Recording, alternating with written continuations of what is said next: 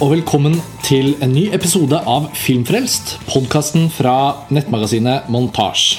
Mitt navn er Karsten Meinick. Jeg er redaktør eh, for Montasj. Og jeg sitter her sammen med min medredaktør Lars Ole Kristiansen. Hei. Og denne episodens spesialgjest Jon Inge Faldalen. Velkommen. Takk. Det er eh, første gang eh, du er gjest på Filmfrelst. Eh, Egentlig føles det jo litt sent. da Vi har holdt på i seks år, og vi, vi vet jo om dine kapasiteter, så det er liksom synd at det har tatt så lang tid, men føler vi har en veldig god anledning. Vi skal snakke om Joakim Triers 'Louder Than Bumps'. Og eh, rammene for hvorfor vi skal snakke om den akkurat nå, det skal vi snakke litt om. Du er jo Jon Inge, universitetslektor på, ved Universitetet i Oslo og medievitenskap. Um, og vi så 'Louder Than Bombs', Lars Ole. Vi så den i Cannes. Eh, der hadde den sin store premiere. Det ble snakket masse om filmen. Joachim Trier hadde en film i gullpannekonkurranse. Alle som har lest en avis i mai, har fått med seg dette. Samtidig så har det gått en måned siden festivalen, og, og vi skal sitte og snakke om filmen nå nettopp fordi vi har ønsket å liksom senke pulsen litt.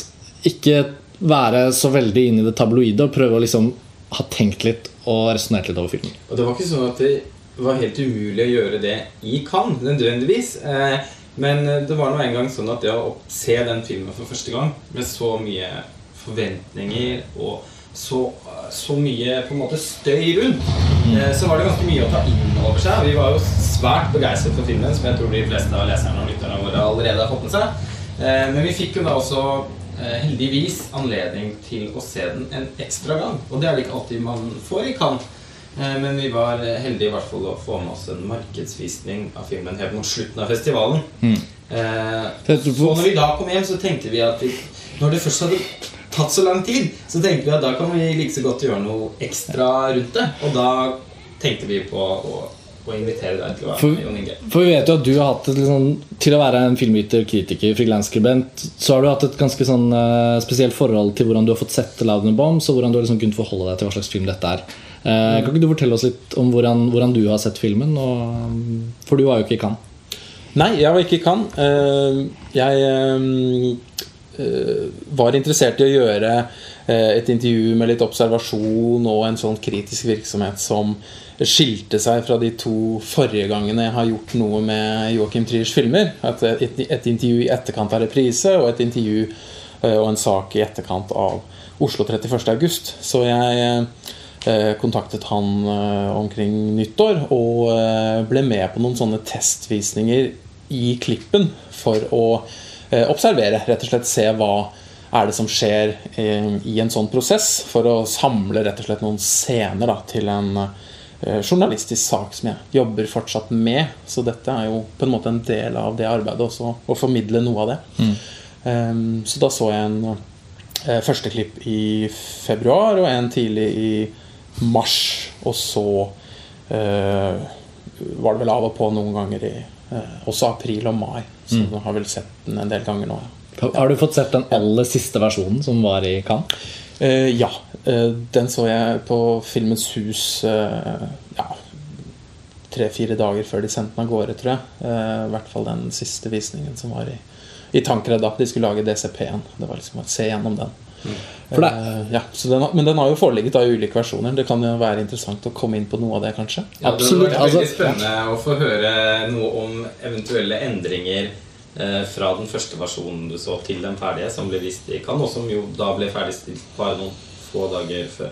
Det er jo interessant med 'Louder Than Bombs' eh, at det er Joachim Triers tredje film. Og den markerer jo på en måte at Joachims filmografi har liksom vokst seg stor nok og på en måte voksen nok til at den begynner å liksom Man kan liksom se Jeg husker vi snakket om det litt i Cannes. At oi, nå er det liksom tre spillefilmer. Og så hvis man trekker inn Eskil Vogt og hans Det debut 'Blind', så liksom, det blir liksom faktisk ganske mye de har utrettet på de snart ti årene. Eh, De har vært en del av eh, på en måte norske eller sånn, og og vært her med filmene sine. Og sånn Og da blir det jo øh, hvert fall Vi hadde en av forventningene før vi så filmen, var jo tanken på at når han har reist og laget en film på engelsk og i et annet land, og, med alle de rammene, da, så blir det liksom en avstikker fra den Joachim Trier vi har blitt kjent med i de to første filmene, eller eh, hva slags film er det? Og i hvert fall Vi konkluderte ganske tidlig med at vi følte at det var en av de store lettelsene med å se Ladder Bombs, var at det var så veldig en Joachim Trier-film. Hadde du den samme opplevelsen da du liksom så den første versjonen? Da var den jo ikke ferdig engang. Kjente du liksom Hvordan var din opplevelse av filmen da du så den første gang?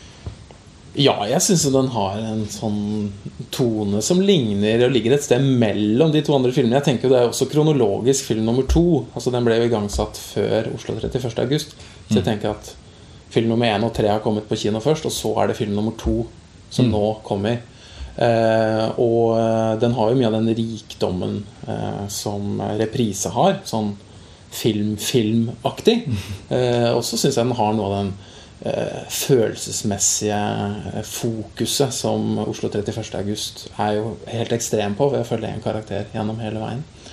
Um, så første gangen, så det er klart alle sånne første visninger blir jo en sånn slags konsentrasjonsøvelse. Man må prøve å få med seg alt. Det er vanskelig å ta inn over seg eh, en film som denne i en eh, svelg. Så jeg er veldig sympatisk overfor den måten dere også tenker da i Cannes, med å prøve å Ok, vi må se den en gang til. Eh, og jeg syns de fleste filmer som er verdt å se, er de filmene som er verdt å se flere ganger. Sånn punktum. Ja, det tror jeg. Eh, og filmene til eh, eh, Trier er jo også eh, handler så mye om minne og eh, reprise, som tittelen er på den første filmen osv. At det handler om å, å gjøre noe som igjen, eller om igjen. Um, og denne filmen tenker jeg trenger det. da Louder and Bombs er, er nok litt krevende eh, å ta inn over seg på en time, da f.eks. sånn som hovedstadsavisene forsøkte å gjøre. Mm. å publisere sine anmeldelser én time etter 36 år siden sist gang det var en film i den konkurransen. Det syntes også vi var ganske underlig. Ja. Eh, Eh, Så akkurat der tenker jeg at eh, noen av de innvendingene om at det er filmskaperen som forsøker å gape over for mye, så er det kanskje kritikeren som forsøker å gape over for mye. Ja, Det er jo også dessverre en veldig vanlig innvending eh, hvis man ikke lar en film hvile og får sortert inntrykkene, så kan, jo, kan man jo ofte nettopp ofte sitte igjen med et inntrykk av at en film en film som har mye på hjertet, og som, og som gjør mange spennende ting, kanskje på én gang, eh, kan man gjerne få sitte igjen med en følelse av at her, her var det noe som prøvde på veldig mye. Og det er noe sånn, litt sånn norsk også, syns jeg, over å eh, umiddelbart liksom forsone seg med at ja, her gaper nok filmskaperen over litt for mye. Eh, terningkast fire. Eh, det, det, det, var, det var underlig og ganske skuffende å lese en del av de, de anmeldelsene som ble publisert så kort tid etter den første pressevisning. Og paradokset for, for vår del er jo at vi sitter her på dette kontoret en uke for å avreise til Cannes og snakker om at nå er nå lades denne gullpalmekonkurransepremieretingen til Joakim og gjengen. Den lades med så mye at det blir nesten sånn Hvordan skal folk klare å forholde seg til filmen helt sånn rent? Hvordan skal filmen få liksom lov å leve på egne premisser? Uh, og det er jo det man da også sitter og liksom kjenner litt på da når det kommer sånne akutte anmeldelser med en gang. Som, liksom, ja, som du sier, at, eh, at filmen, uh, filmen fortjener jo strengt tatt egentlig å, å, å bli tatt som en utfordring, mer enn som å liksom bli tatt som en sånn ekstrem ferskvare som bare må Og det var det jeg opplevde som eh, å se den da med en måneds mellomrom i forskjellige utgaver. Da hadde det skjedd ting i klippen. Eh, og hvordan diskusjonen som foregikk i etterkant av den første visningen, eh, gikk på én ting, og så gikk det på helt andre ting i diskusjonen andre gangen. Eh, særlig hva gjelder f.eks. sympatistrukturer i film. Gjerne noe av det første folk trigges på, er at 'å, jeg liker ikke den karakteren', for jeg syns ikke det er så interessant, uh, utviklingen osv. Uh, mens la oss si denne filmen her har fire hovedkarakterer, da, så kan man kanskje se den fire ganger. da så Prøve å følge hver av de fire, f.eks. Så vil man kunne uh, ha ganske ulike opplevelser av Er det den unge Conrad, er det Jonah, er det far Jean, eller er det Isabel som jeg er liksom, alliansedannet med, eller noe sånt, hvis man skal bruke Murray Smiths begreper. Ja, Men, eh, ja. til, det er både den liksom tilgangen vi har til eh, rollefigurene, både i liksom i, i, i, hvor mye tid filmen lar oss komme tett på dem, eh, er, og den slags tilgangen vi har til deres eh, verdensanskuelse, den er jo ganske jevnt fordelt. Eh, jeg, vil kanskje, jeg opplever nok han Conrad da, som eh, en, en slags hovedkarakter. Men, men det er likevel bare, egentlig bare fordi at han var kanskje den som grep meg mest, eller som jeg eh, på en eller annen måte kunne identifisere meg mest med. I hvert fall sånn som filmen var fortalt. Men jeg, og, men jeg opplevde også bare mellom eh, Altså fra opplevelsen å se den første gang til andre gang, så var det altså, Det var ganske annerledes. Det var ganske forskjellig. Mm.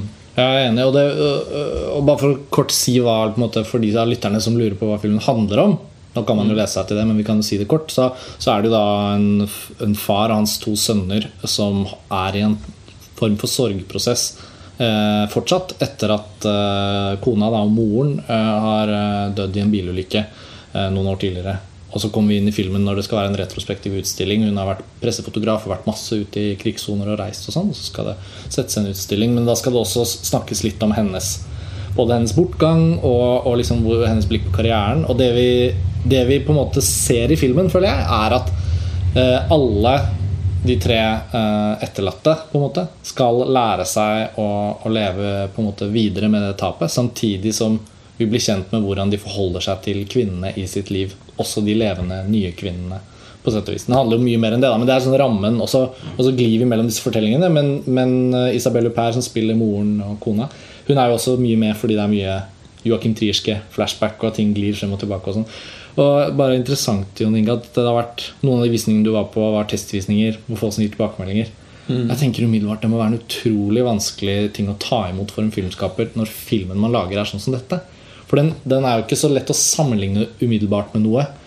Så var det, var det, mye tilbakemelding Var det mye samtaler om filmen som gikk på nettopp det med hvem man på en måte har sympati for, og de emosjonelle inngangene? Eller gikk det også på estetikk og formgrep og fortellinger? Ja, alt det du sier der, egentlig. Det var uh, i utgangspunktet en del sånn denotasjon. Altså hva tenker dere etter to minutter når det og det skjer?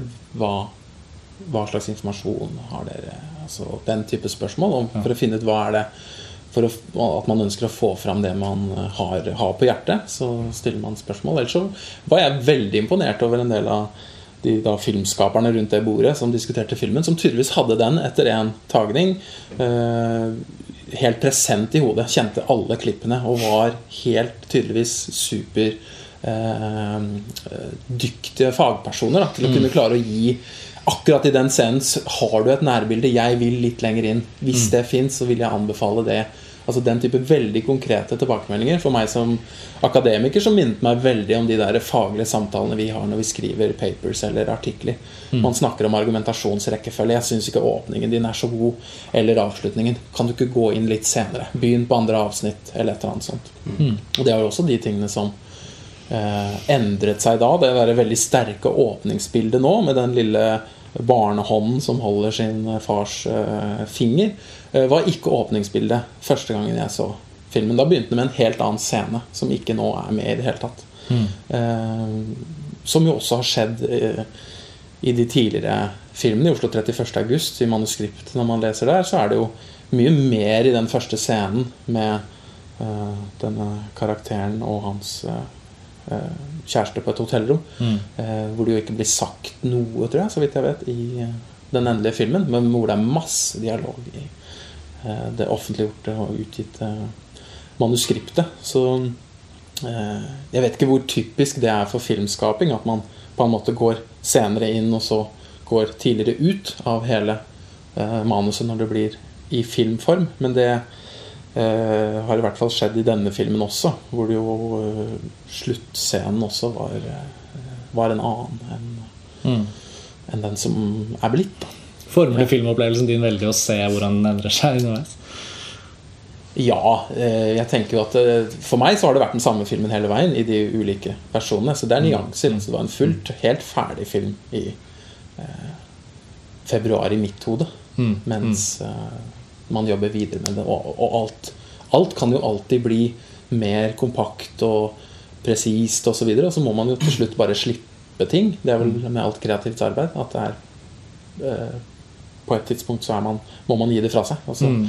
Da blir det ferdig. Uten at det nødvendigvis er ferdig. I, I møte med filmen, eh, som tilskuer, i møte med 'Ladder Bom, så tror jeg kanskje det er viktig å bare erkjenne at det er en film som som, er, som til, tider er litt vag, mm. og som du kanskje ikke får en sånn umiddelbar nærkontakt med. Eh, jeg føler at det speiler litt av tematikken i filmen. For meg altså, da handler det veldig mye handler filmen i veldig stor grad om avstand.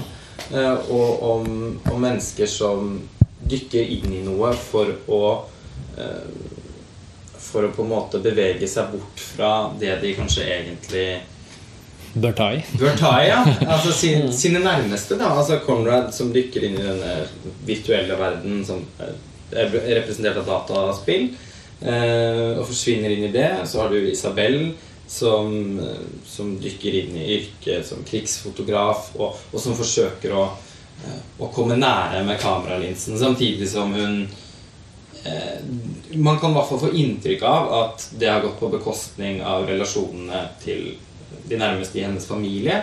Eh, Men alle disse tingene er ganske sånn forsiktig fortalt, eller ofte bare antydet i filmen. Så det er jo ikke noe karakterdrama Altså et, et tradisjonelt drama, egentlig. Det er mer en utforskning av, uh, av relasjonene i en familie, men også på en måte de ulike karakterenes relasjon til eh, til, hvem, til hvilken plass de har i både sitt, i, sin, i andres liv, men også på en måte sine egne liv. Fordi de er sånn uforløste. Ja, nei. Jo, men den kikker mye innover. Ja. Som du sier, den er liksom Og det er jo en interessant ting å oppleve i en film. At jeg synes den liksom For å si det sånn, det, det bildet i filmen, midt i en montasje, hvor han eh, tenåringsgutten forteller at moren har lært han at uh, dette er et bilde Altså den der, For å lytterne skal beskrive det. Det er, det er på en måte en montasje av eh, stillbilder som gjerne kan være morens bilder, men også andre bilder som bare illustrerer dette poenget. Hvor framingen, altså innrammingen av ett bilde, kan like mye si noe om hva du får se, som hva du ikke får se. Og Da er det bl.a. et bilde av et lite barn, og så fader man inn den andre halvdelen av bildet, hvor det barnet går og holder Adolf Hitler i hånden. Og så ser man liksom Og den, den, kjære, den bitte lille setningen der om at moren hans har lært at et bilde kan liksom leses på to Jeg føler liksom filmen i sin helhet kan oppsummeres veldig mye av det poenget der. Absolutt. At det fins uh, for altså forskjellige sannheter om, om de du også har nærmest, fordi man kommer kanskje aldri helt inn. Og særlig disse som strever med så mye, som også fjerner seg fra. Så sånn den der, hvordan den filmen liksom pulserer mellom de tingene. Tidvis kommer vi veldig nært disse, og tidvis er vi ganske sånn vi ser f.eks. Jesse Eisenbergs rollefigur. Føler jeg er den som kanskje har sterkest distanse og egentlig størst problemer i livet sitt. Men, men hvordan filmen behandler det, er veldig sånn vagt. Men det er jo ikke fordi det er uspesifikt eller Nei. på en måte dårlig, hermetegn, dårlig fortalt, men det er fordi i det at det skal fortelle noe om hva som mangler der også. Ja, det, altså, filmen ville, ville blitt svekket på hvis den hadde blitt fortalt på en annen måte, syns jeg. Mm. Eh, Det, det speiler jo tematikken på en kjempefin måte. Men eh, Og så er det Men det er kanskje Det er jo litt uvant å se også en en, en, en film som skal, som skal ta for seg relasjonene innad i en familie, hvor på en måte alle virker å være så eh, lite forsonet med, med, med seg selv og sine egne liv.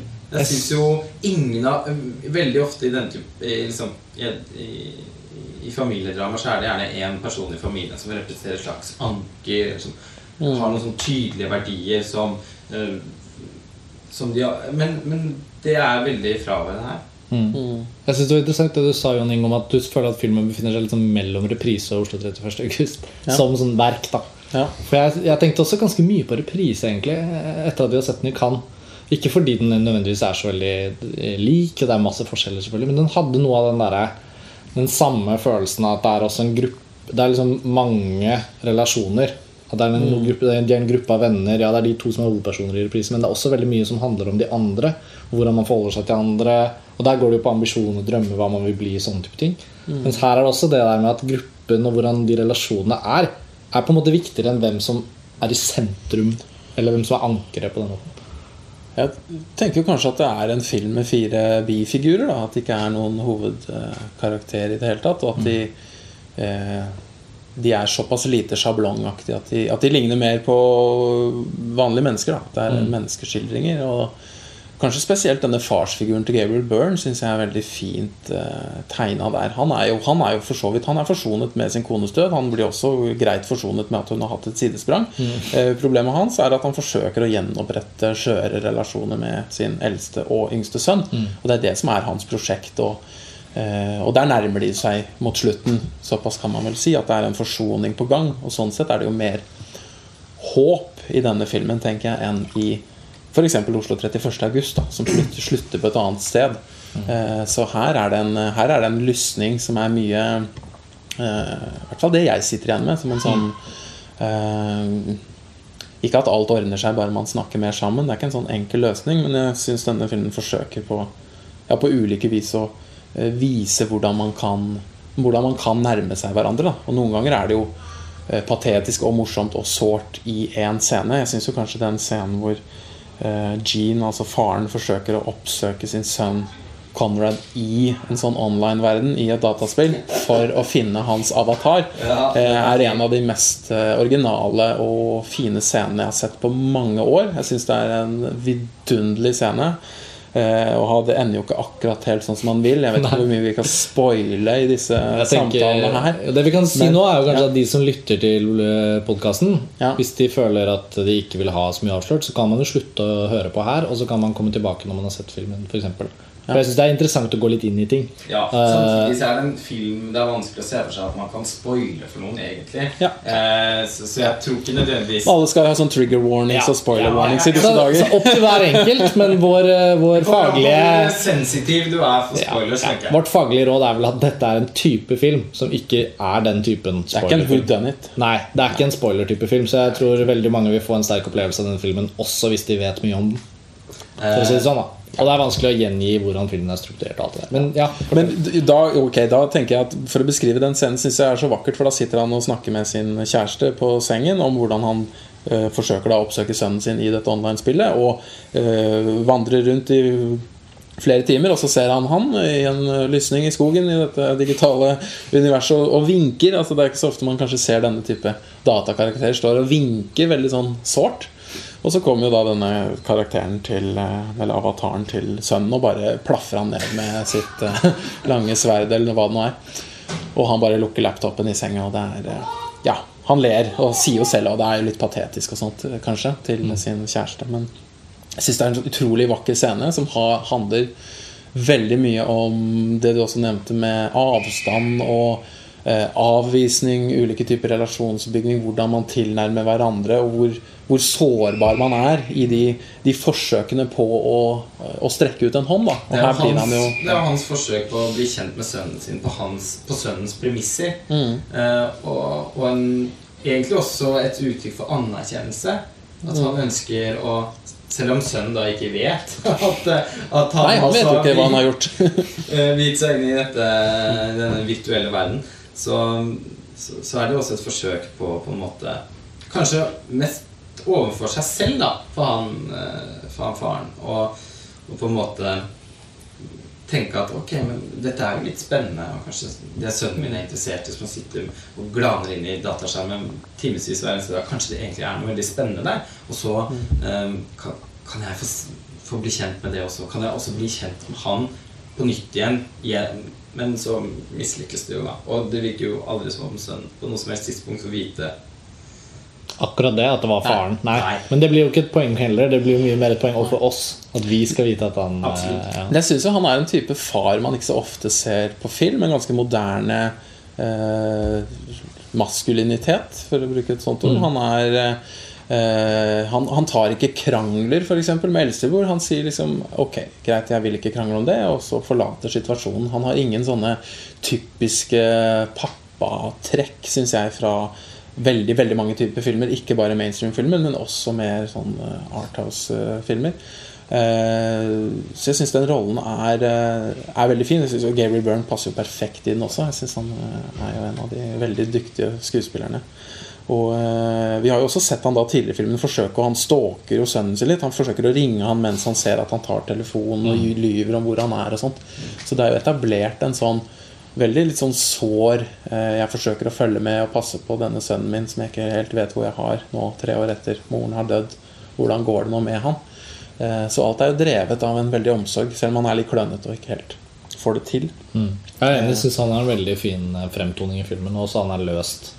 Tenker ikke bare, altså Åpenbart Gabriel Byrne. Han, han får, får gjort det veldig bra. Men jeg syns det valget som kanskje på et slags manusplan da, fra Eskil Vogt og Joachim Trier, hvor de liksom velger å, å lage en type farsskikkelse som nettopp ikke er sånn typisk sånn dramatisert far. Eh, som du sier, altså at han rett og slett Ja, når det er mulighet for en krangel, så kan man kanskje fra et sånt manusteknisk perspektiv tenke sånn Å, bra, dette blir drama. Men at han velger å bare Nei, som du sier. Og den scenen syns jeg også er veldig fin. Hvor han bare sånn «Jeg- vil ikke krangle om dette nå. Og så blir det faktisk ikke noe. Er Det føles realistisk. Han fremstår som en veldig dannet mann. Ja. Eh, og, og, det, og det på en måte så understreker også det noe, en slags sånn kulde i dette hjemmet. da Fordi han, han, han, han forsøker å bevege seg nærmere barna sine, men han stopper også litt på veien. Han tar veldig hensyn til at de på en måte har sine liv. Han har ikke lyst til å framstå som om han forsøker å på en måte diktere hvordan de skal være, eller hva de skal mene. Mm.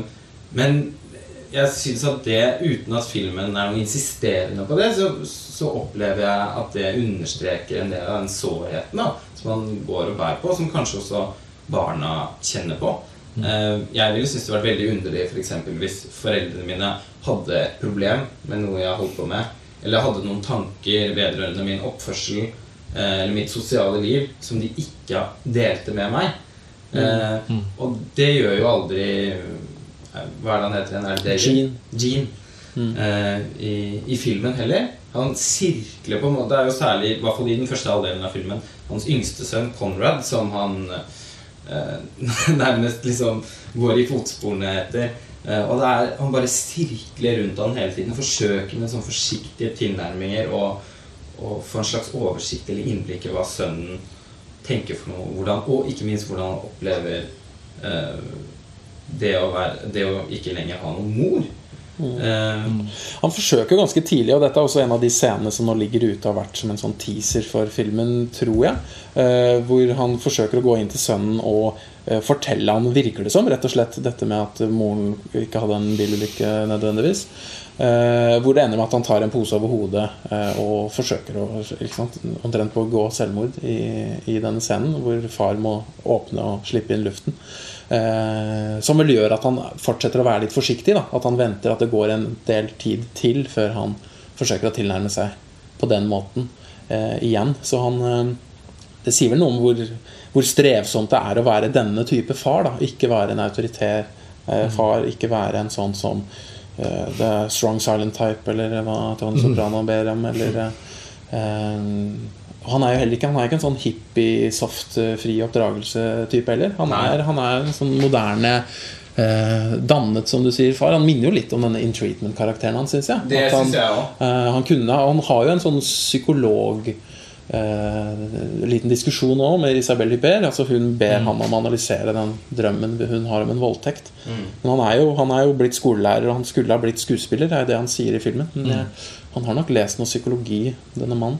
Og han har den roen til en psykolog som ofte kan være litt sånn um, Lars von Trier gjør det jo i Antichrist på en utrolig måte. Hvor han gjør William Defoe ikke bare er en ektemann, men han er også terapeuten. liksom Ja, det er jo en latterliggjøring av denne typen. Nettopp, men jeg eh, synes det er sånn et lite spill på det her i denne filmen hvor, hvor som du sier, da at, han i måten han er i de samtalene, og fordi vi da serie- og filmreferansemessig kobler inn treatment fordi det er den samme skuespilleren. Eller sånn, Det skjer noe der i møtet hvor det er liksom sånn Og Gabriel Byrne, når han da også spiller den rolige samtalepartneren, så har han en sånn type autoritet som du tenker at det bare ligger noe her, noe trygt og noe bra. Noe sånt. Så det er sånne nyanser som jeg tenker Det er ikke tilfeldig, og det er veldig fin casting.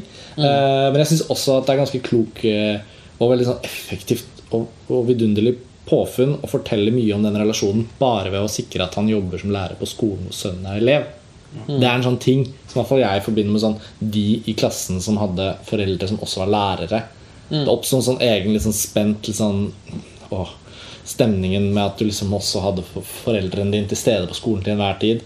Og så ligger det jo også under mellom linjene da at han har et forhold til denne lærerinnen til han, så det oppstår ny dramatikk der. Men det er jo sånn utrolig små ting som skjer i filmen, som forteller oss det. Man bruker jo ikke lange scener på å etablere det. Bare sånn settes, og så, så ligger det liksom under og, og koker litt. da Selv om filmen aldri går til sånne dramatiske, store høydepunkter. Som du sa, Lars Ole. Ja, Det ligger jo mye i spillet der, i små nyanser i det. Jeg husker andre og tredje gangen jeg så den eh, i de første scenene med Richard Strathairn, som spiller denne eh, Journalistkollegaen journalistkollegaen som også viser seg at de har et forhold. Eh, man ser tydelig i blikket hans at han eh, forsøker å tolke blikket hos Jean. Vet du om jeg har et forhold til Det er etter to sekunder når du ser den karakteren Eh, det la jeg ikke merke til første gang jeg så den, men det er helt tydelig et veldig veldig godt, godt spill som gir, gir den situasjonen en helt annen klangbunn andre gangen man ser den. Fordi det er, eh, er sånne bitte små detaljer som eh, er veldig presist plassert der. Da. Hvordan opplevde du Isabel Huppers karakter, eh, i og med at hun på en måte i filmens presens tross alt er eh, død, og hun, hun eksisterer bare gjennom flashbacks? For Det var noen som snakket om det, kan at man også kunne liksom tolke det litt som at alle hennes scener først og fremst er øh, gjengivelser av henne øh, slik andre husker henne. Altså Er hun en rollefigur som egentlig aldri har en på en måte en ek, nødvendigvis, da hvis man skal liksom analysere det litt, har, har hun bare scener hvor hun er et speil fra hvordan folk husker henne, eller har hun egentlig noen scener som liksom er ordentlige? Ja, Det fins jo ikke noe godt ja eller nei svar på det. tenker jeg Det kommer litt an på hvordan man ser det. Men den er jo litt sånn prismatisk, litt sånn Citizen Kane-struktur. At man oppsøker ulike for folk for å eh, få informasjon, tilgang på en annen karakter. Så vi ser jo henne gjennom blikkene til eh, Conrad og Jonah og Jean. Eh, men hun er jo eh, Hun er jo en sånn sånn svevende karakter som alltid er litt til stede med sitt fravær, på et vis. Altså hun Ja, for det jeg opplever er at hun, Først og fremst så er hun fraværende. Ja. Eh, jeg syns at filmen på en veldig sånn nennsom måte mm, skaper den følelsen. da eh, fordi Nettopp fordi at hun bare dukker opp i sånne hun, Man kan jo godt si det at Isabel Huppert er, er jo mindre til stede i filmen i, enn i alle fall det jeg hadde forventet mm. forhånd. Um, og hun er der på en veldig sånn spøkelsesaktig Hun har liksom måte. lite screentime, men veldig mye presence. Veldig mye pre- Ja, det kan man si. uh, Men eh, det er forbausende, egentlig. Hvor del er satt jeg og tenkte spesielt mye på andre gang jeg så den. Hvor lite hun egentlig er med. Men likevel så føler vi hennes Ja, på tilstedeværelse, men også på en måte fraværet av hennes tilstedeværelse hele veien fordi alle er så farget av det. da Jeg tenker noe av det som interessante som skjedde i, i denne klippeprosessen, da, var bl.a. i den eh, Det er et veldig langt nærbilde av eh, Isabel Luper som eh, holdes i jeg vet ikke hvor mange sekunder nå i den endelige versjonen, eh, som ligger nå i etterkant av at hun har eh, eh, hva skal si, oppsummert eh, problemene med å komme tilbake og føle at hun egentlig ikke har noen plass hjemme og sånt hver gang hun er hjemme fra disse krigsturene. Men eh, det nærbildet lå som sluttbilde i første klipp eh, som jeg så. Da ble det holdt i kanskje to minutter.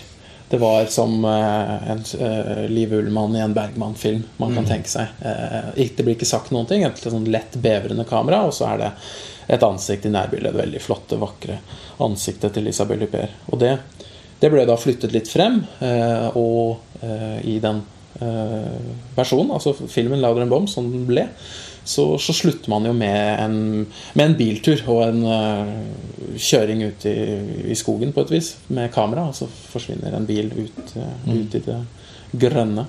Um, som for meg gir den en sånn tydeligere sånn fortolkningsramme som sier at det handler om disse tre uh, mennene, far og to sønner, mer enn denne fraværende moren, som jo også er en sånn stående klisjé i, litteratur og kunst og film og alt som er. Eh, som ville gitt kanskje mye fortolkning i den retning hvis hun hadde fått siste bilde. Hvis det hadde, og det handler om henne. Eh, og Derfor syns jeg også det åpningsbildet med denne veldig skjøre relasjonen mellom eh, en nyfødt datter, som også heter Isabel, mm. og eh, hennes far eh, sier noe I et nærbilde så er det en sånn uspesifikk det er, ikke, det, er, det er ikke hans karakter det handler om, tenker jeg, men en sånn eh, tematikk. Dette handler om skjøre relasjoner, og hvordan de eh, eh, ja, må ta, tas vare på veldig nennsomt. Da. Og Det er det som også gjør denne filmen veldig sånn neppe og kanskje litt langsom. og For noen sikkert litt kjedelig, og hva handler nå dette egentlig om? Og det er jo ikke noen sånn spesielt god festivalfilm, tenker jeg, for den stikker seg ikke noe ut. Det blir det samme måte som filmene Nå har jeg ikke sett den nye til Koreda, liksom, men sant? den type Hvis du lager film sånn som Osu, eller tidligere veldig lavmælte filmskapere, så eh, vil du aldri stikke deg ut. Når du viser 20 i strekk, så er eh, på en måte dette ikke en sånn god festivalfilm, fordi den har ingen sånne eh, spenstige scener som overgår alt. Den har ingen sjokkeffekter. Den har ingen ehm, Ja. Eh, Nei, jeg, altså, jeg skjønner er hva du mener. ja. samtidig som jeg også er ikke helt opplevde det sånn. Eh, morsomt at du nevner Korea-filmen, for det er den, kanskje den mest Osu-aktige filmen han noen gang har gjort. Ja. Er, og den var helt fantastisk. ja, det vil jeg tro. Men det er Eh, ingen som snakket om den, bortsett fra kanskje dere, da. Ja, skrev om den. Den, vokste underveis i festivalen. Jeg endte ikke opp med å se den, men du fikk se den mot slutten av festivalen ettersom bussen stadig ble liksom bedre og bedre. Så til slutt så ble det litt sånn Og så elsket du den jo. Ja, jeg synes den var helt fantastisk. Det skal vi snakke mer om siden. Men, eh, eh, men jeg syns faktisk eh, at Ladder and Bonds var en av de filmene som virkelig stakk seg ut i hovedkonkurransen i år. Og det var noe av årsaken til at Og det vet jeg vi begge Eller at vi var enige i. Vi, vi snakket mye om underveis i festivalen at det, dette er en film som er en, en priskandidat. En ganske åpenbar priskandidat. Fordi For det første så er det en film som har godt av å synke litt inn, og som har godt av å bli snakket om. Så man kunne forestille seg at det var en film som eh, kunne komme godt ut av å bli diskutert av en jury. Eh, I løpet av de elleve dagene som festivalen Ja, trodde vi. Eh, og, og faktisk også så syns, syns jeg filmen skilte seg ganske mye ut i, i, i hovedkonkurransen fordi eh, i et år hvor det faktisk var veldig få filmer som utforsket ytterpunktene av hva filmmediet kan være for noe, så syns jeg Joakim Trier sine regigrep eh, Og jeg, tror, er, jeg vil tro at det er ganske mange kritikere som kommer dit som faktisk ikke har sett eh, Som kanskje har sett Oslo 31. august, men jeg vil anta det er mange som ikke har sett reprise. Og eh, hans De på en måte sånn avstikkerne han tar underveis da i historiefortellingen, eh, med disse lange montasjene med Tangerine Dream-musikken og, og altså disse forskjellige YouTube-klipp og et blaff av eh, opera til Daro og Gento. Drømmesekvenser. Drøm, ja, drømmesekvenser. Det er jo noen- Noen innslag av slow motion, f.eks. En nesten sånn Xavier Dolan-aktig sekvens. Eh, når Conrad eh, går inn på, på en kafeteria hvor eh, jenta som han er håpløst forelsket i, sitter med sine venninner og kaster en slags sånn spell, om man kaller det. Som jeg tolker det i hvert fall som noe fra et av de ja, håndbevegelse fra et sånt rollespill. Ja. ja. Eh, hvorpå kamera eh, kjører langsomt mot henne, og det kommer en sånn blåst som gjør at håret hennes Eller en vind som gjør at håret hennes blåser bakover i sakte film.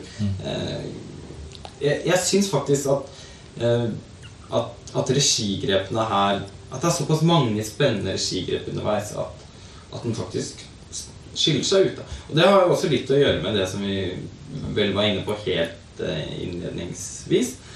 At um, selv om det er Joachim Triers første engelskspråklige film, så føles det først og fremst som Joachim Triers tredje film. Uh, at uh, Eller andre. eller andre. Uh, at at han, han har bevart så mye Altså sånn hans stemme, da, som har vært veldig tydelig i de, i de to første filmene hans, er akkurat like eh, tydelig og egenartet, syns jeg i hvert fall, i 'Ladder and Bombs'. Det er jo særlig kanskje noen av disse digresjonene, om man vil kalle de de. da det er Ikke at de er digresjoner, men at det, hvor, man, hvor man forlater den liksom, fortellingens gang. da Og det blir jo opplest sånn, et brev den yngste broren har skrevet, eller som han ønsker seg. The Columbine of Love, tror jeg de kalte det når de snakket om uh, hva slags type brev det var. En litt sånn galskapskjærlighetserklæring kjærlighetserklæring iblandet selvbiografi. Uh, og, eh, og de øyeblikkene hvor det eh, det, det har en veldig sånn Det er vel den montasjedragningen hos Joachim Trier der som får på en måte virkelig flekset sine evner til å eh, skape gjennom veldig korte glimt av eh, ord og bilder og overstemmebruk, som er jo også Det er veldig raust med forskjellige overstemmer i denne filmen, som eh, ulike karakterer som får lov til å snakke eh, til oss. Og de låner hverandres stemmer, og det er noen ganger til og med også uklart hvor det er ting foregår. Og man har jo også her i denne filmen en sånn scene som eh, på et vis foregår på to steder samtidig eller ikke samtidig. At man, eh, slik de gjorde det i eh, reprise først, da, hvor man eh, eh, Og som for så vidt også skjer i Blind. Som Mm. man kan jo tenke seg at Eskil Vogt har også eh, vært med da skrevet det inn i dette manuset. Ja, disse såkalte avstikkerne, eller digresjonene, hva man enn skal kalle dem, eh, er jo veldig typisk for Trier og Vogt. da. Mm. Oslo 31. august. Fantastiske scener hvor han sitter på åpent pakkeri. Mm. Eh, først så lever han seg jo inn i en hovedkarakteren seg inn i en samtale Inn i forskjellige samtaler som flere andre i kafélokalet har. Mm. Eh, og da spesielt en jente som har en sånn bucketlist Mm. eh, som hun framfører, som er veldig vakker. Svømme med delfiner. Ja. Å være elsket, som hun sier til slutt. Eh, og så følger man hun eh, jenta i sånn Elixia-outfit med Kiwi-poser. Eh, og, Og så han gutten som blir sittende på benken Ja. og sånn. Og så og på en nesten helt sånn umerkelig måte så så, så bidrar jo de sekvensene til å eh, forsterke følelsen av at fortellingen handler om noe vi alle kan kjenne oss veldig igjen i. Jeg føler ofte at, han, at de bruker de, eh, scen, de scenene som er preget av veldig sånn ty... Sånn, eller fys, ja, Det er vanskelig å formulere seg. Som har, har en type filmatiske grep som, som stikker seg litt ut, eh, og som kanskje hos andre kunne revet den ut av fortellingen, eh, men som eh, hos, hos Joakim Trier tvert imot eh, forsterker liksom båndet Mm. mellom Jeg tenker kanskje og- det var det noe Karsten var inne på med det at den går innover på et vis uten å bli eh, introvert. At vi da går veldig tett inn i eh, ikke bevissthetsstrømmer eller den slags nødvendigvis, men forestillingsevnen hos disse menneskene som skildres, og deres måte å Eller ha minner på. Eller eh, forestillinger som om denne jenta som går hjem etter trening, eh, eller eh, Conrad som sitter i Louder and Bombs og forestiller seg bilulykken til moren. Eh, og det er jo eh, noe av det beste, syns jeg, med Trier sine filmer, er jo denne eh, enorme eh, evnen til å klare å, eh, å skildre eh, tankevirksomhet. Da. Det er en veldig, Ja. veldig, veldig nær eh, den kakofonien og det mylderet som denne Anders-karakteren i Oslo 31. august føler. Altså, dette er jo en karakter som er virkelig på vei nedover. Og, og klare å skildre det eh, det veldig vonde og såre, men samtidig eh, liksom glimten av liv som man da opplever på denne kafeen. Sånne unge eh, eh, leende jenter og, altså Han blir jo på en måte testet veldig i sine følelser gjennom Oslo 31. august, denne karakteren. Er, det, er det noe igjen i livet for meg å uh, holde i? Og til slutt så avviser han jo en ung naken, vakker kvinne ved et nattbad ved Frognerbadet. Som jo må være noe av det liksom ypperste, i hvert fall innen norsk film, og det liksom ypperste i livet. Hva er bedre enn å være ung og uh, bade naken?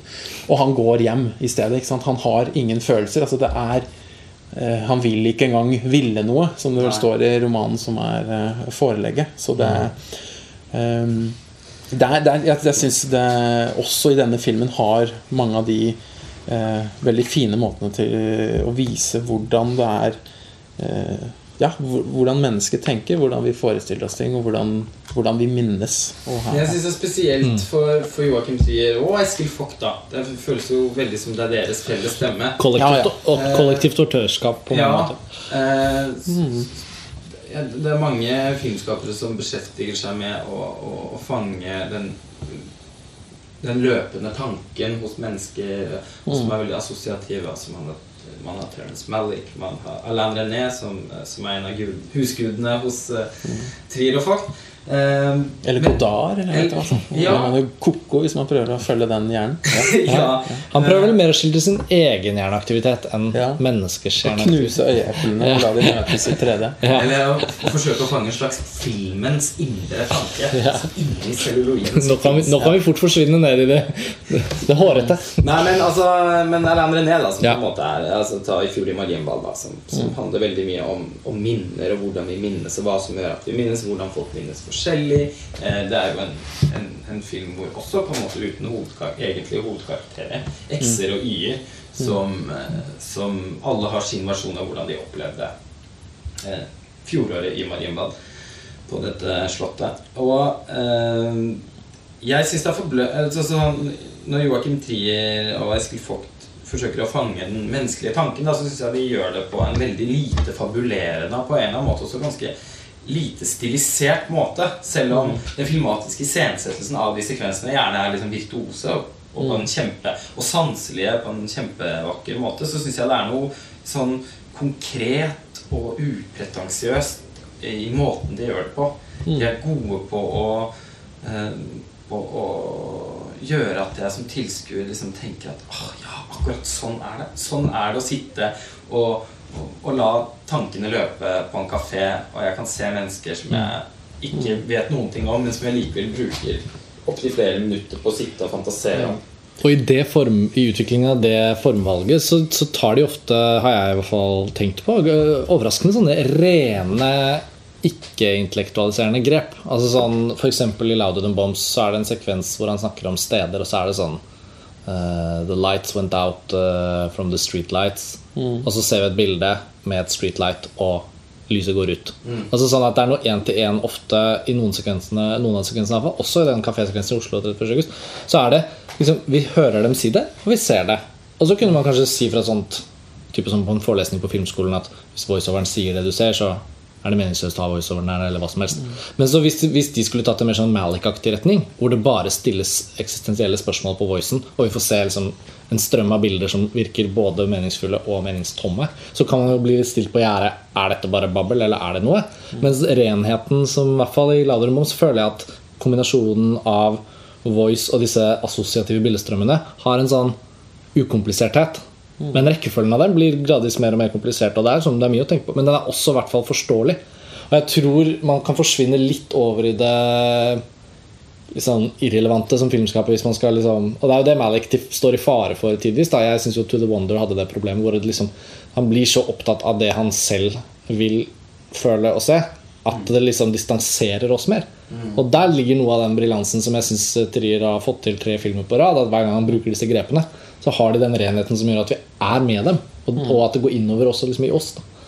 Jeg tenker det er veldig modig å tørre å være såpass konvensjonell noen ganger. Da. Han bruker f.eks. sånn tradisjonell skudd- og motskudd-scener i dialoger.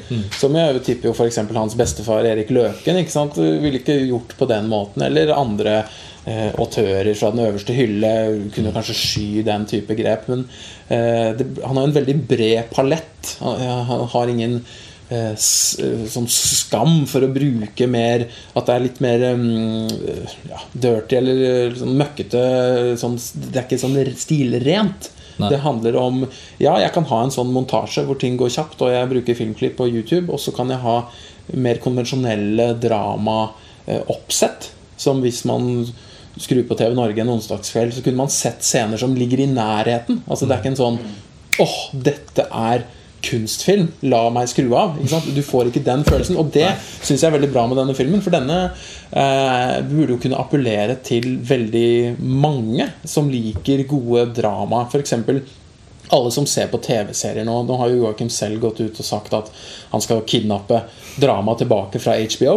Eh, og på sett og vis så syns jeg jo kanskje denne filmen, nå etter å ha sett den flere ganger, minner meg om egentlig en sånn eh, TV-seriesesong som er komprimert ned til 100 minutter. Eh, og som har en del av den samme karakterutviklingen og karakterdybden eh, som man ville kunne forvente av å ha sett disse over eh, 13 timer. Men som, har, men som har en filmspråklig utforming som er veldig mye mer spennende Ja da, Nå tenker jeg på det høyeste nivået, type Six Feet Under, eller altså de seriene Ja. som virkelig når de store ja, som jeg mener liksom filmhistoriske høyder. da De fleste TV-dramaene kommer jo ikke i nærheten. Nei, men altså, ja. siste Under er et mesterverk. mm. eh, bare så det er sagt. Men, men den er jo også filmatisk sett nokså konvensjonell. Eh, men, og, men altså, sånn, fordi jeg har også fått med meg at Joakim Trier har gått ut og sagt at han skal, at han skal fø- ta drama tilbake til kinolerretet og sammenligne med Ordinary People. Og, altså, på en eller annen måte så skjønner jeg veldig godt hva han mener med det. Altså, jeg syns jo på en måte at filmen til en viss grad i hvert fall gestalter den eh, ambisjonen. Eh, samtidig så, så tenker jeg også at nei, nei det er altså Det er noe såpass eh, Joakim, ur-Joakim Triersk også over måten han velger å fortelle historien på. Ja, absolutt. At den, at jeg ville hatt veldig problemer med å liksom omtale den som et tradisjonelt drama. Og Hvis jeg skulle anbefalt den til noen, så tror jeg jeg ville vært veldig forsiktig med å gjøre det. Jeg, og jeg tror mange av kritikerne kan faktisk eh, som I hvert fall noen av de kritikerne som var underveldet av filmen, eh, ble satt igjen en følelse av at, at de ikke helt fikk det, det dramaet kanskje da, som de hadde forventet seg. Nettopp fordi filmens natur er som den er. Den, den holder mye tilbake. Den, den, antyder mer enn den forteller. Eh, den har en ganske spesiell dramaturg... altså, sånn, den, den, har fall den, den, har i hvert fall en dramaturgisk oppbygning som ikke ligner en, en film som 'Ordinary People', da. Ja, absolutt. Den er jo mer postdramatisk, denne filmen. Altså det, det, dramatiske her har jo skjedd for tre år siden, og så er det etterdønningene. Så den er en sånn typisk sånn Vi kommer inn etter noe har skjedd, eh, eventuelt før det dramatiske, eller mellom dramatiske. Så det er jo disse liksom juvene eller hullene i det, kanskje det helt tradisjonelle eh, liksom Det verste av det dårligste ja, dramaene, selvfølgelig. Ja. Absolutt. Ja, men Det er på en måte Det er som om filmen litt Apropos Terence Malick, for det kan ofte gjelde for hans filmer også, syns jeg. Ment i veldig positiv forstand at noen ganger så kan filmen nesten virke å bestå av sånn mellomrom. Altså de mellomrommene, scener som tas vekk fra andre filmer.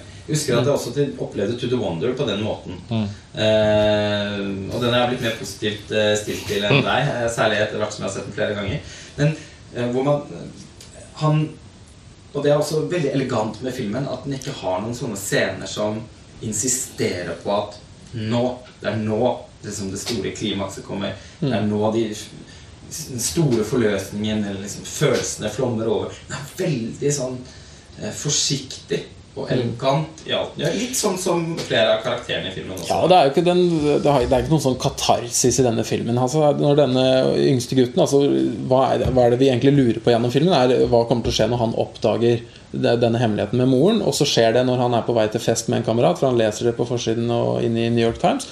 Og så, så, skjer det ikke så stort annet enn at han går på denne festen. Eh, og så går han hjem med en eh, jente fra klassen, hun han har styrt med håret på og sånt gjennom sine fantasier. Eh, og har et veldig sånn øyeblikk av nok en sånn type pur lykke. da Denne ungdommelige første sånn, Han er veldig forelsket i denne jenten. De går hjem om natten. Det er også en sånn typisk triersk eh, liksom natt, nattevandringen hjem fra fest. Mm. Eh, og hun tisser på skoen hans, og det er veldig romantisk. Eh, og mens tårene hans eh, triller. Eh, og der eh, Det syns jeg den er også nok en gang ligger, ligger veldig nært sånn man ja, på et banalt vis kunne si at eh, sånn det ville ha skjedd i virkeligheten. At det, det, det nærmer seg eh, mennesker og ja, selvfølgelig da ting man kan kjenne igjen i. Det er, ikke, det er ikke dramatiske karakterer som har den og den funksjonen for å si det og det og gjøre det og det. Men eh, jeg vil jo tenke at Hvis André Bassin hadde levd i dag, så hadde han likt denne som en neorealistisk film også. Det er jo på en måte noen dager i noen menneskers liv. Han ville kanskje enda bedre likt Oslo 31. august. Liksom, en by, én mann, én Ja, ikke sant? Det er jo eh, Man følger eh, Og eh, det er klart, Både Trier og Vogt kjenner jo filmhistorien veldig godt. Så jeg syns man skal være veldig forsiktig med Og de har jo blitt veldig snakket om sånn, sånn fransk nybølge, og det er veldig franske filmer. Og selvfølgelig det er det, men det er en veldig bred Eh, interesse til uh, ulike filmbakgrunner uh, som før, denne, ja. før denne episoden Før vi begynte å ta opp denne episoden, så satt vi alle tre og snakket om John Hughes. Ja. og det vet jeg er en viktig filmskaper for, for Joachim Trier. Mm. Og han kan man jo også absolutt spore i denne filmen. Altså Måten han eh, bruker high, altså amerikansk high school-film-ikonografi på. Ja, absolutt. Eh, eh, ganske sånn subtilt, men, eh, men samtidig eh, tydelig. Ja, de går og ser noen cheerleadere, og han ja, sier altså, They still do this shit. Ja, samtidig som at filmen altså, den beveger seg aldri over i den sjangeren. Men den har sånne små markører underveis mm. som, som, også på en måte understreker et uh, det beskrives jo sosiologisk i filmen av broren som er professor i sosiologi, at du kommer ikke opp i dette hierarkiet, du må vente noen år, ligg lavt, ikke send dette brevet og sånne ting. Eh, som er et velmenende råd til broren, men han, han hører jo heller sikkert på han da, og tar sine sjanser. Dette er veldig morsomt at vi kommer inn på det, for du minner meg av en ting som vi snakket om litt etter filmen i Cannes, Lars Ole. Mm. Som er det med at selv om Joakim har så åpenbare filmatiske referanser altså sånn, det er, Vi kan name-droppe filmskapere. på en måte Han har snakket om filmskapere han er glad i. Eskil i, i et intervju på montasje i fjor i forbindelse med Blind legger jo også ut om inspirasjonskilder og snakker om ting det er viktig å se på i film. Alt det der Men samtidig, en film som 'Louder Than Bombs' så fremstår ikke liksom et sånt, sånt, sånn direkte sånt referansegrunnlag. Som liksom, den er ikke nostalgisk på den måten. Og da kom vi inn på det, husker jeg, at det føles som en veldig sånn moderne film. Den har noe sånn der modernitet i seg som er veldig deilig å se liksom kapslet inn og tatt vare på. Og at vi om 10-15 år Det kommer an på hvordan man ser det, da, men jeg syns jeg synes, øh, Dette kan bli litt sånn nerdete fra min side, men jeg syns det er sånne små og så fine og viktige ting som liksom gjør riktig. Og den tar det liksom på et sånt moderne sånn Her. Både dette med at han går inn i det dataspillet på den måten han gjør det, men også bare i sånn som vi allerede har vært inne på, da, å snakke sammen på en viss måte, altså hvordan relasjoner preges av at man er inne i sine forskjellige verdener, og det kan man dra analytisk sett over i hvordan vi lever livene våre nå, anno liksom akkurat nå. Men så er liksom sånn Så er papiravisen der, og den ser helt ekte ut. Og det er det bildet, og det er diskusjonen om bildet og forholdet til bildet, og det er YouTube-montasjene, og det er den teksten, og det er den motsetningen mellom tekst og bilder som kommer fra alle mulige kanter. Og det er ikke en direkte referanse til John Hughes high school-ikonografi nødvendigvis, men det er mer som at den bare sånn Dette eksisterer her. Og det liksom Det gir et ekko hos dere hvis dere plukker det opp. Men har et veldig sånn forhold til popkultur. ja, nettopp, det, men det ligger der hele tiden. Det er ikke sånn at det er fraværende. Gjennom alle, alle, alle de tre filmene. For jeg synes det ville gjort filmen mye mer klinisk hvis han utelot konkretiseringer av sånn. Det er New York Times liksom den står i. Det var ikke bare en tilfeldig avis. Og den, den der artikkelen om hvordan hun døde, blir jo ganske viktig for, for dramatikken. egentlig da.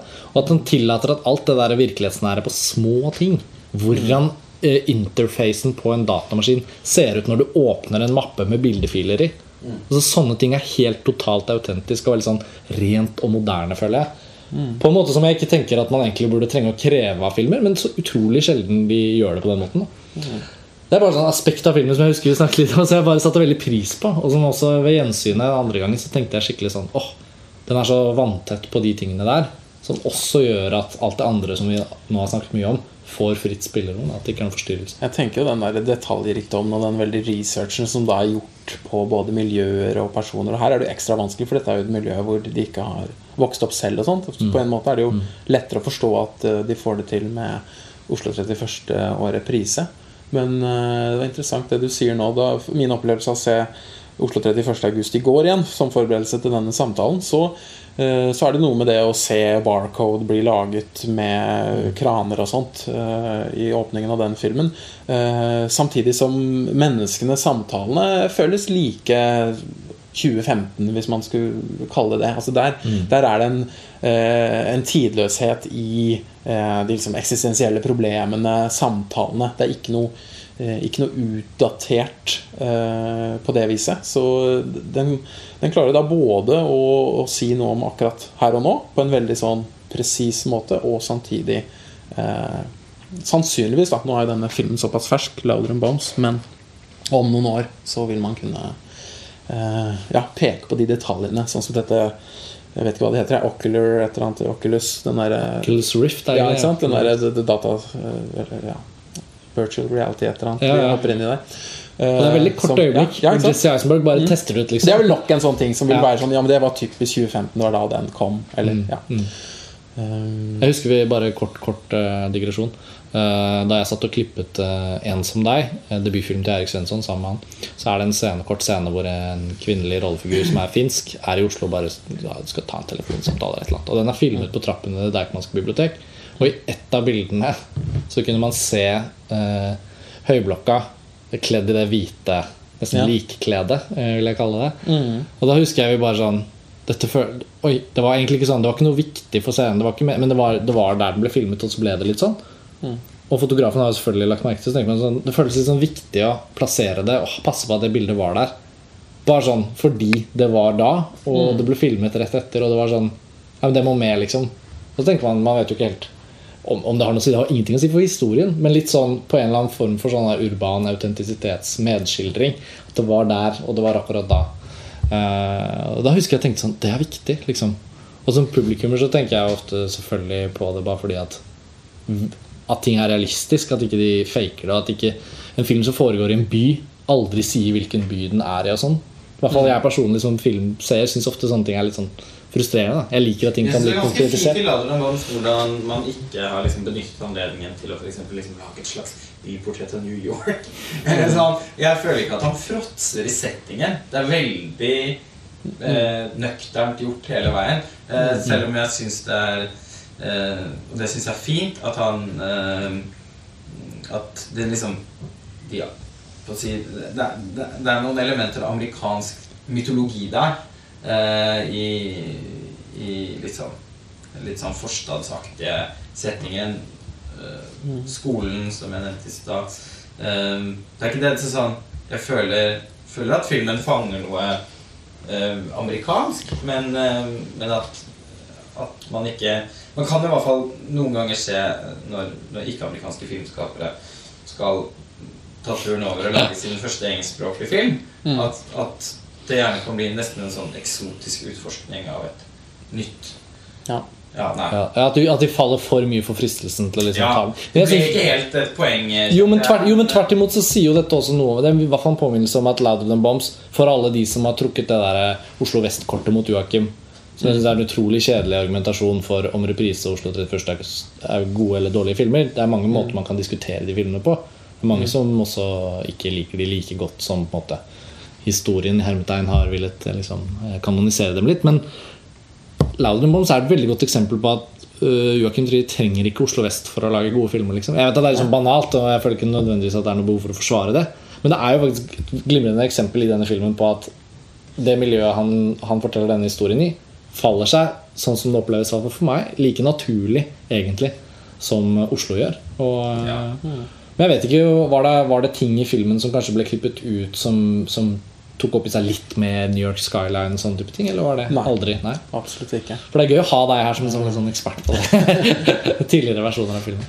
Uh, ja, nei, det var ikke noe av den slags som uh, eh, Det var på et eller annet tidspunkt produsent Thomas Robsam tullet med uh, Joakim Trier og sa at vi, vi, vi har brukt så mye tid på å spille ting inn i New York at vi kan ikke klippe bort noen av de bildene derfra, for det er så viktig. Jeg tror han da bare spilte rollen som den produsenten som skulle ha inn. Så det var vel mer en sånn slags uttalt uh, spøk da at eh, her handler det om å fortelle en historien om disse menneskene. Akkurat hvor det foregår, er, er jo ikke det viktigste. Det er jo ikke et portrett av dette stedet. Det er vel mer et sånt Mm. eh, Ja. Det kunne vært hvilket som helst. Ja, den type nabolag. Det kunne vært i Sverige, det kunne vært i Danmark. Altså det, det kunne vært eh, andre steder.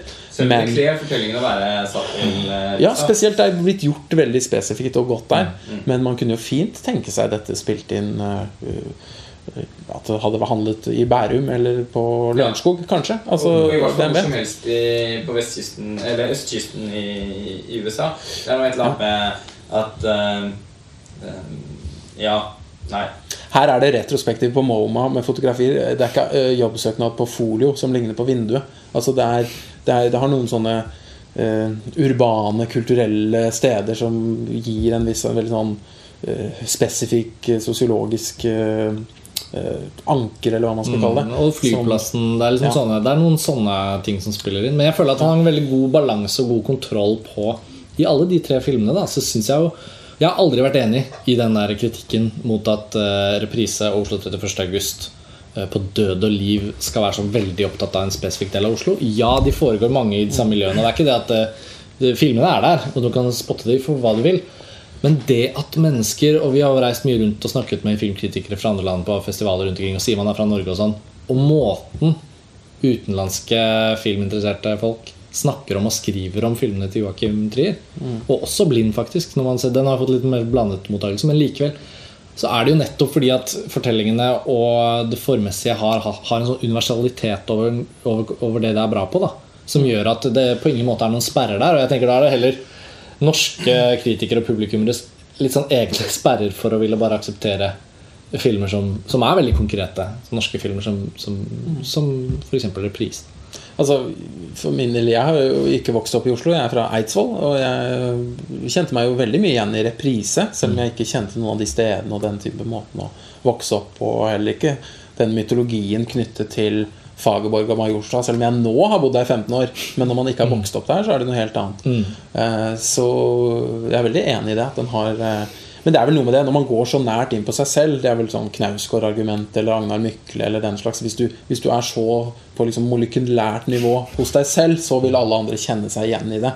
Eh, og det er vel noe av det uh, Trier også klarer, ved å være så spesifikk på om det enten er egne følelser eller egne steder og egne situasjoner og alle detaljene, eh, får da sånn klangbunn hos andre. Det synes jeg er et veldig godt poeng. og det handler Jeg, hadde, jeg er heller ikke født og oppvokst i Oslo, jeg er oppvokst i Halden. Eh, og, og så reprise seks ganger på kino eh, da, da den kom. Eh, fordi jeg følte at det var den første norske filmen som virkelig hadde klart å liksom fange noe som jeg kunne kjenne meg igjen i, og som jeg var opptatt av. Eh, og det handlet vel kanskje mer om at nei, selv om man ikke kjente de miljøene som filmen utspiller seg i så godt, så eh, så synes jeg, Det synes jeg var helt irrelevant. Det som var Poenget var at det var noen mennesker som hadde en bestemt sjargong eh, og en måte å se verden på eh, som de hadde liksom dyrket fram sammen, eh, og som på ulike måter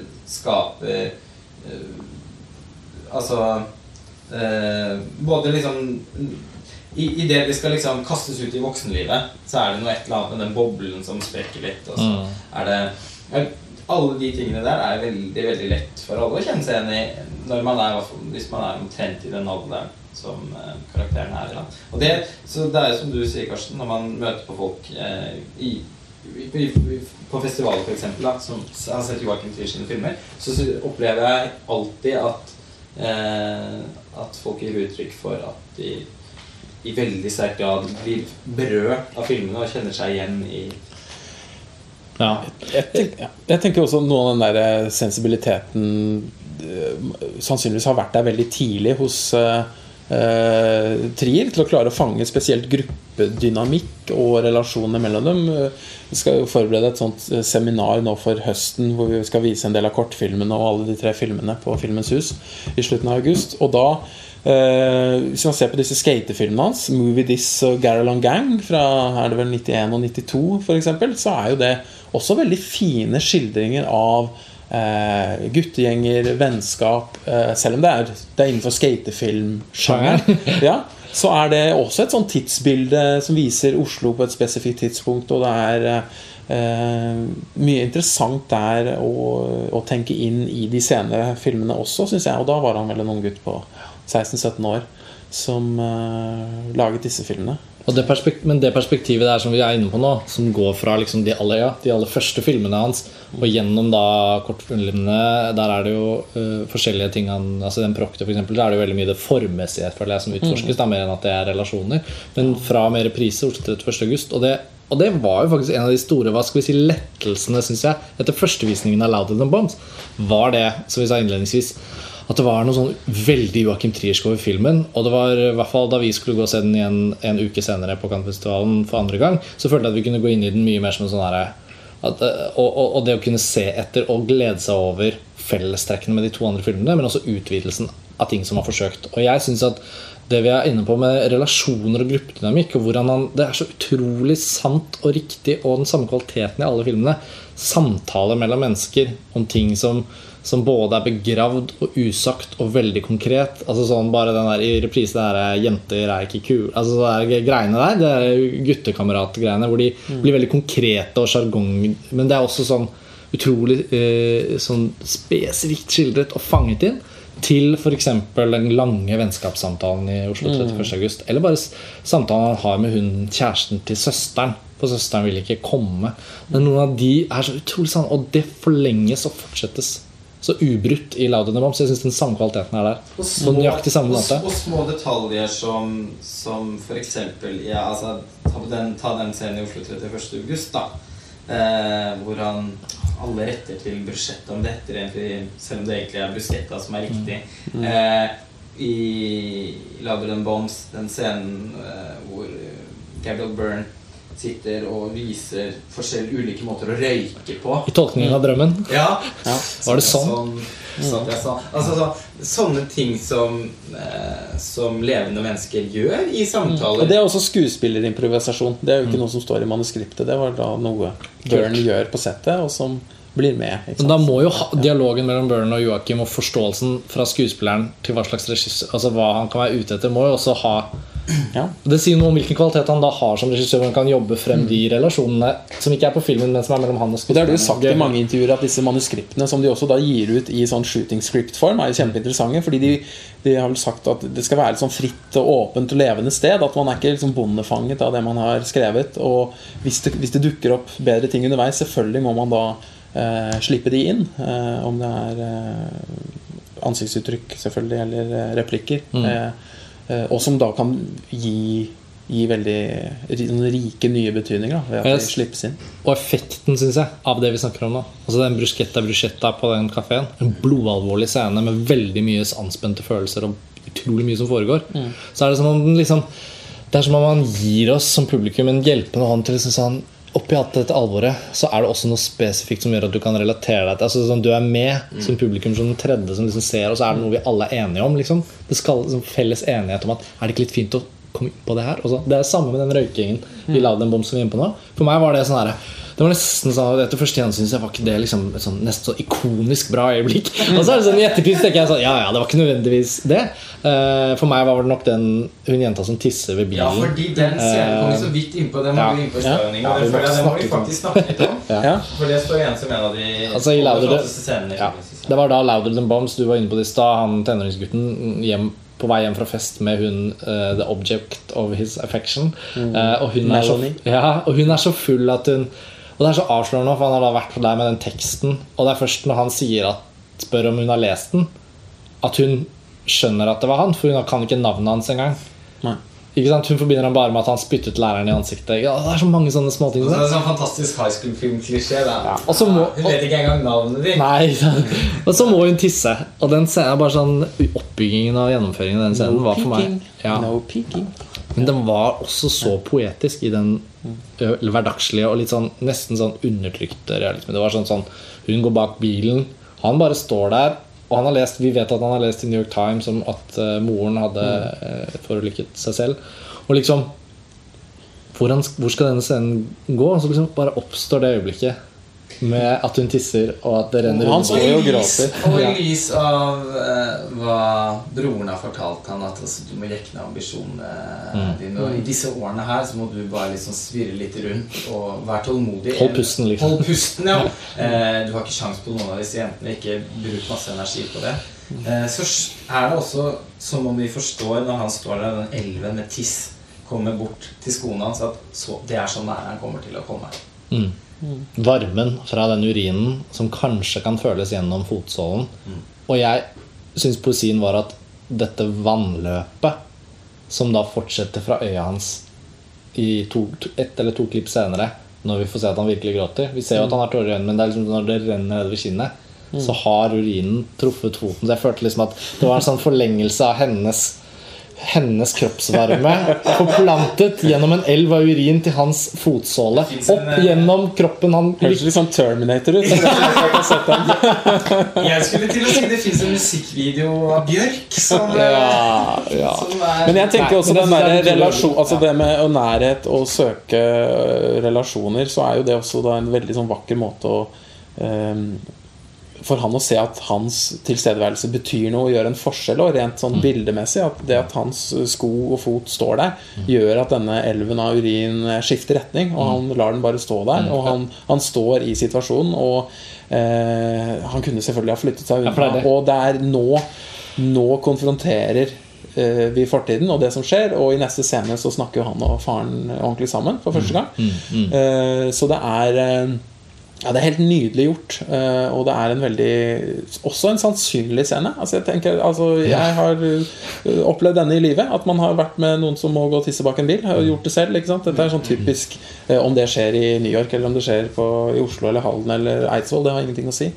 Og klare å fange de. Og samtidig, som du sier, så er det noen av disse litt sånn én-til-én-beskrivelsene i en voiceover to sekunder senere. Men så, så forsvinner han også vekk fra den igjen. Og så beskrives det om eh, ting som ikke skjer i bildet. Så det er, det er en sånn dynamikk mellom eh, eh, det litt sånn åpenbare og tydelige og, eh, eh, og, og i den eh, som jeg syns er et av de vakreste bildene i filmen, er jo i i, i bilen på slutten, hvor de skal kjøre hjem storebror, så han skal fortsette sitt liv og komme get to hell back til eh, dama di liksom, og ungen din. Ja, for, og da tar jo far ansvar og kjører hjem sin liksom, forfy- forfylla dagen derpå-sønn.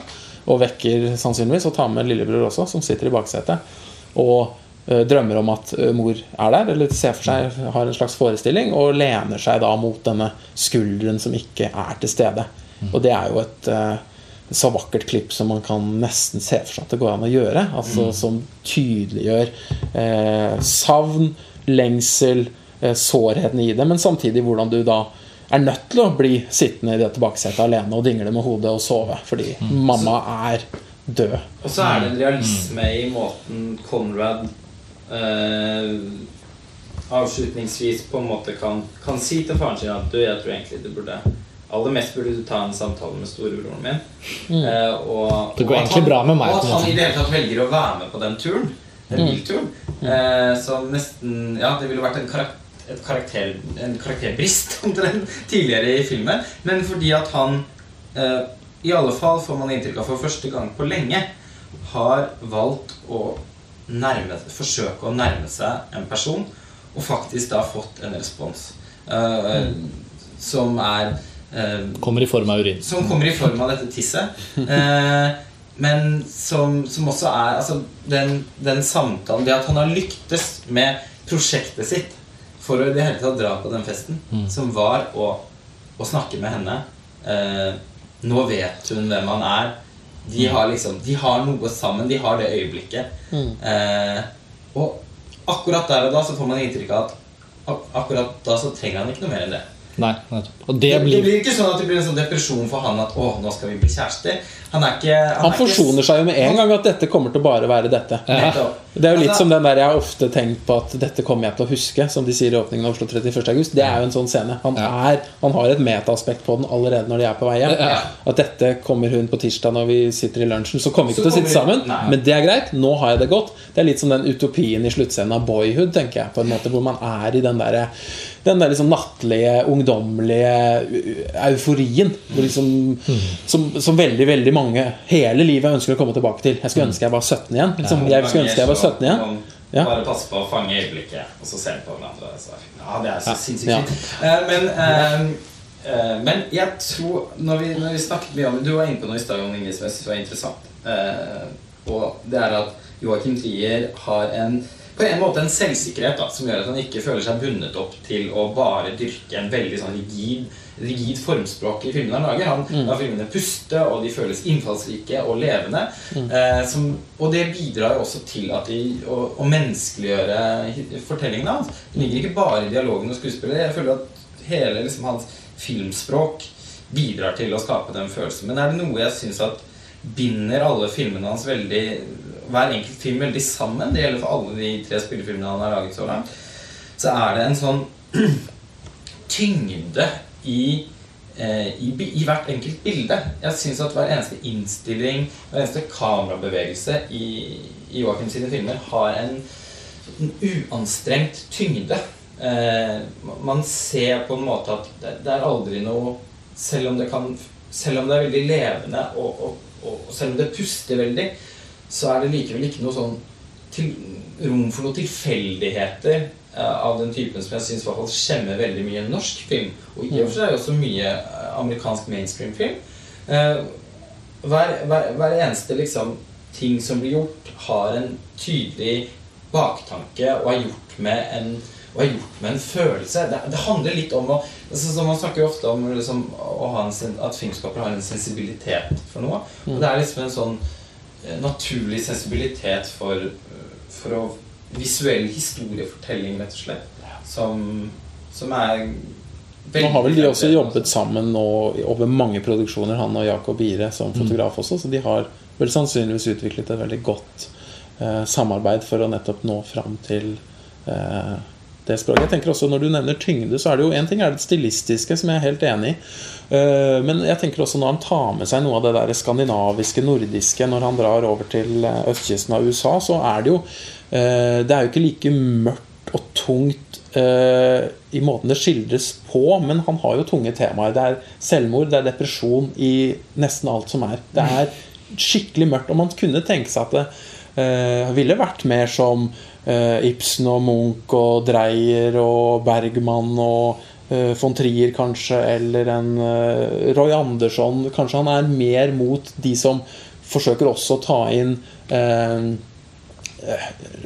humoristiske aspekter eller avvæpne eh, scener som ble nevnt her med denne røykingen, eller eh, at man gis litt pustepause. Eh, så man også tåler bedre disse tyngre øyeblikkene. Og Det er derfor jeg tenker eh, at uh, Trier kan eh, eller allerede er og bør bli, og kanskje kan være en, en som når ut til flere da, enn de som er mm. veldig tunge, som har den veldig sånn tradisjonelle eh, melankolske Ja, altså det er, ikke, det, er ikke, det er ikke bare det. Du har Nei. også det. Eh, så jeg eksempel den scenen i Oslo 31. august hvor eh, karakteren til Danielsen Lie sier at eh, det kommer til å ordne seg, og det gjør ikke det, vet du. Eh, som er liksom beinhard. Altså Det er en sånn gåsehud og sånn ultimate mørke. Og en av de, ja, en av de store scenene i norsk filmhistorie, eh, rett og slett. Eh, den kunne man jo tenke seg eh, kunne vært i en film av noen av de de som bare forholder seg innenfor dette veldig veldig tunge universet. En type Bergman, som jo også er en stor helt for eh, Trier, eller ja, kanskje man kan gå helt tilbake til Dreyer, eller Men jeg er veldig enig med det Noe av det tidlige du sa, tror jeg, Karsten, med at eh, Trier i denne filmen har eh, en veldig sånn tydelig signatur eller sånn tone som man eh, eh, kjenner igjen ganske raskt. Da, at det er, dette er, det er han som har laget denne filmen, og han og Eskil Vogt som skriver det sammen.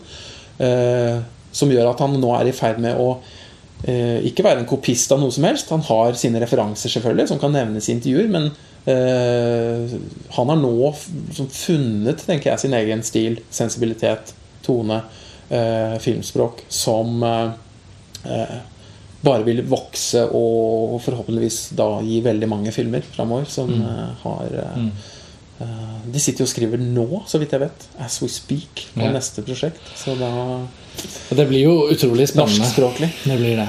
Altså Nå som vi er i, i, i oppsummeringens eh, toneleie, for nå har vi jo fått diskutert filmen synes jeg veldig grundig. Det var en tilfredsstillende å snakke om den. Vi har liksom holdt det litt inne, føler jeg, siden Cannes, Lars Ole.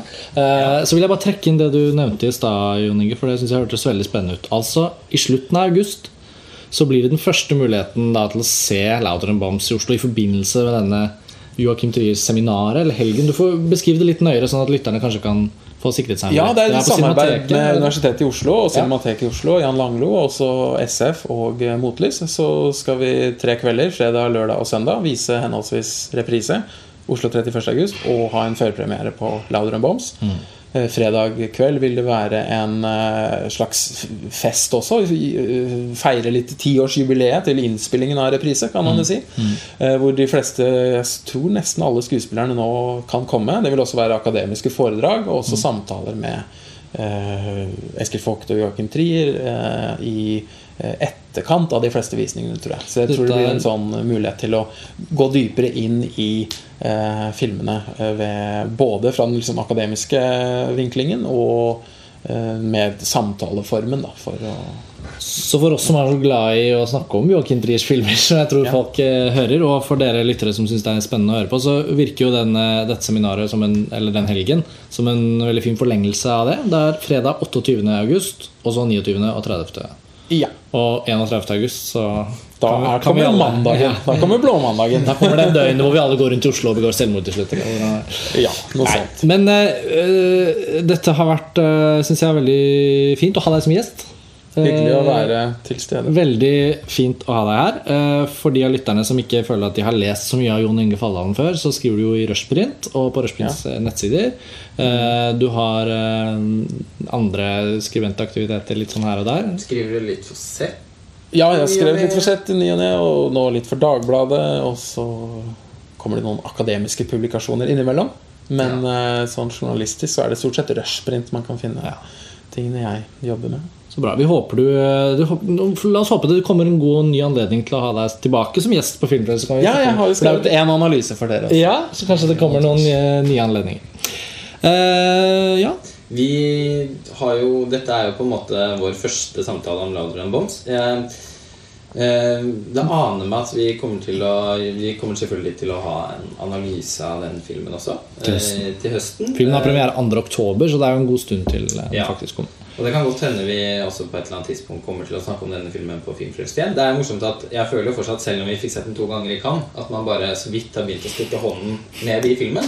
Altså i hvert fall når man har hatt for vane å se de tidligere filmene til Joachim Trier både 10, og 11, 12, ja. 13, 14 og 15 ganger. Ja. Så, eh, så har man jo så vidt begynt å bli kjent med Lader og Bombs. Jon Inge kjenner den eh, ganske mye bedre enn oss. Mm. Og etter hva jeg har skjønt, så er det vel på ingen måte en film som har tapt seg etter hvert som du har sett den flere ganger. Nei, jeg syns den vokser rikere og rikere. Og øhm, inntil jeg nå så Oslo 31. august igjen, så var jeg helt overbevist om at dette var hans beste film. Altså Louder and Bombs Men nå er jeg litt usikker igjen, så jeg tror de kanskje er på, Kanskje på samme nivå. Men jeg kanskje ser reprise også. Men summa summarum er vel at de er veldig gode alle sammen. På Ja, de vis. Det var nok den at følelsen vi satt igjen med. Ja, At det er en naturlig utvikling av filmforfatterskapet. Mm. Med en større flere aldre i karakterene, en større palett. Det er internasjonalt. Det er Mm. eh, Og det, jeg, det, er noe av det, mest, det er noe av det riktigste og fineste man kan si om filmen. Den er en naturlig liksom, eh, fortsettelse på det som ser ut til å bli en av de mest spennende filmografiene i europeisk film på 2000-tallet. Det var eh, veldig fine og kloke avsluttende ord. Eh, takk for at dere hører på Filmfrelst. Nok en gang, jeg repeterer det. Louder Than Bombs eh, den vil dere kunne lese mer om og høre mer om på montasje eh, utover gjennom resten av året. Joakim Trier var gjest på Filmfrelst for noen år siden og snakket om de ti beste filmene noensinne som han hadde valgt ut i Sight and Sounds kåring. De som har lyst til å spole tilbake noen år og høre den episoden igjen, eller for første gang, de ønskes velkommen til det. Og så er det da Joakim Trier-seminar på Cinemateket i regi av Universitetet i Oslo etc., etc., som er mulig å få med seg. Da skal vi avslutte og ønsker bare alle en riktig god sommer også videre. Eh, ha det bra! Ha det bra. Ha det bra.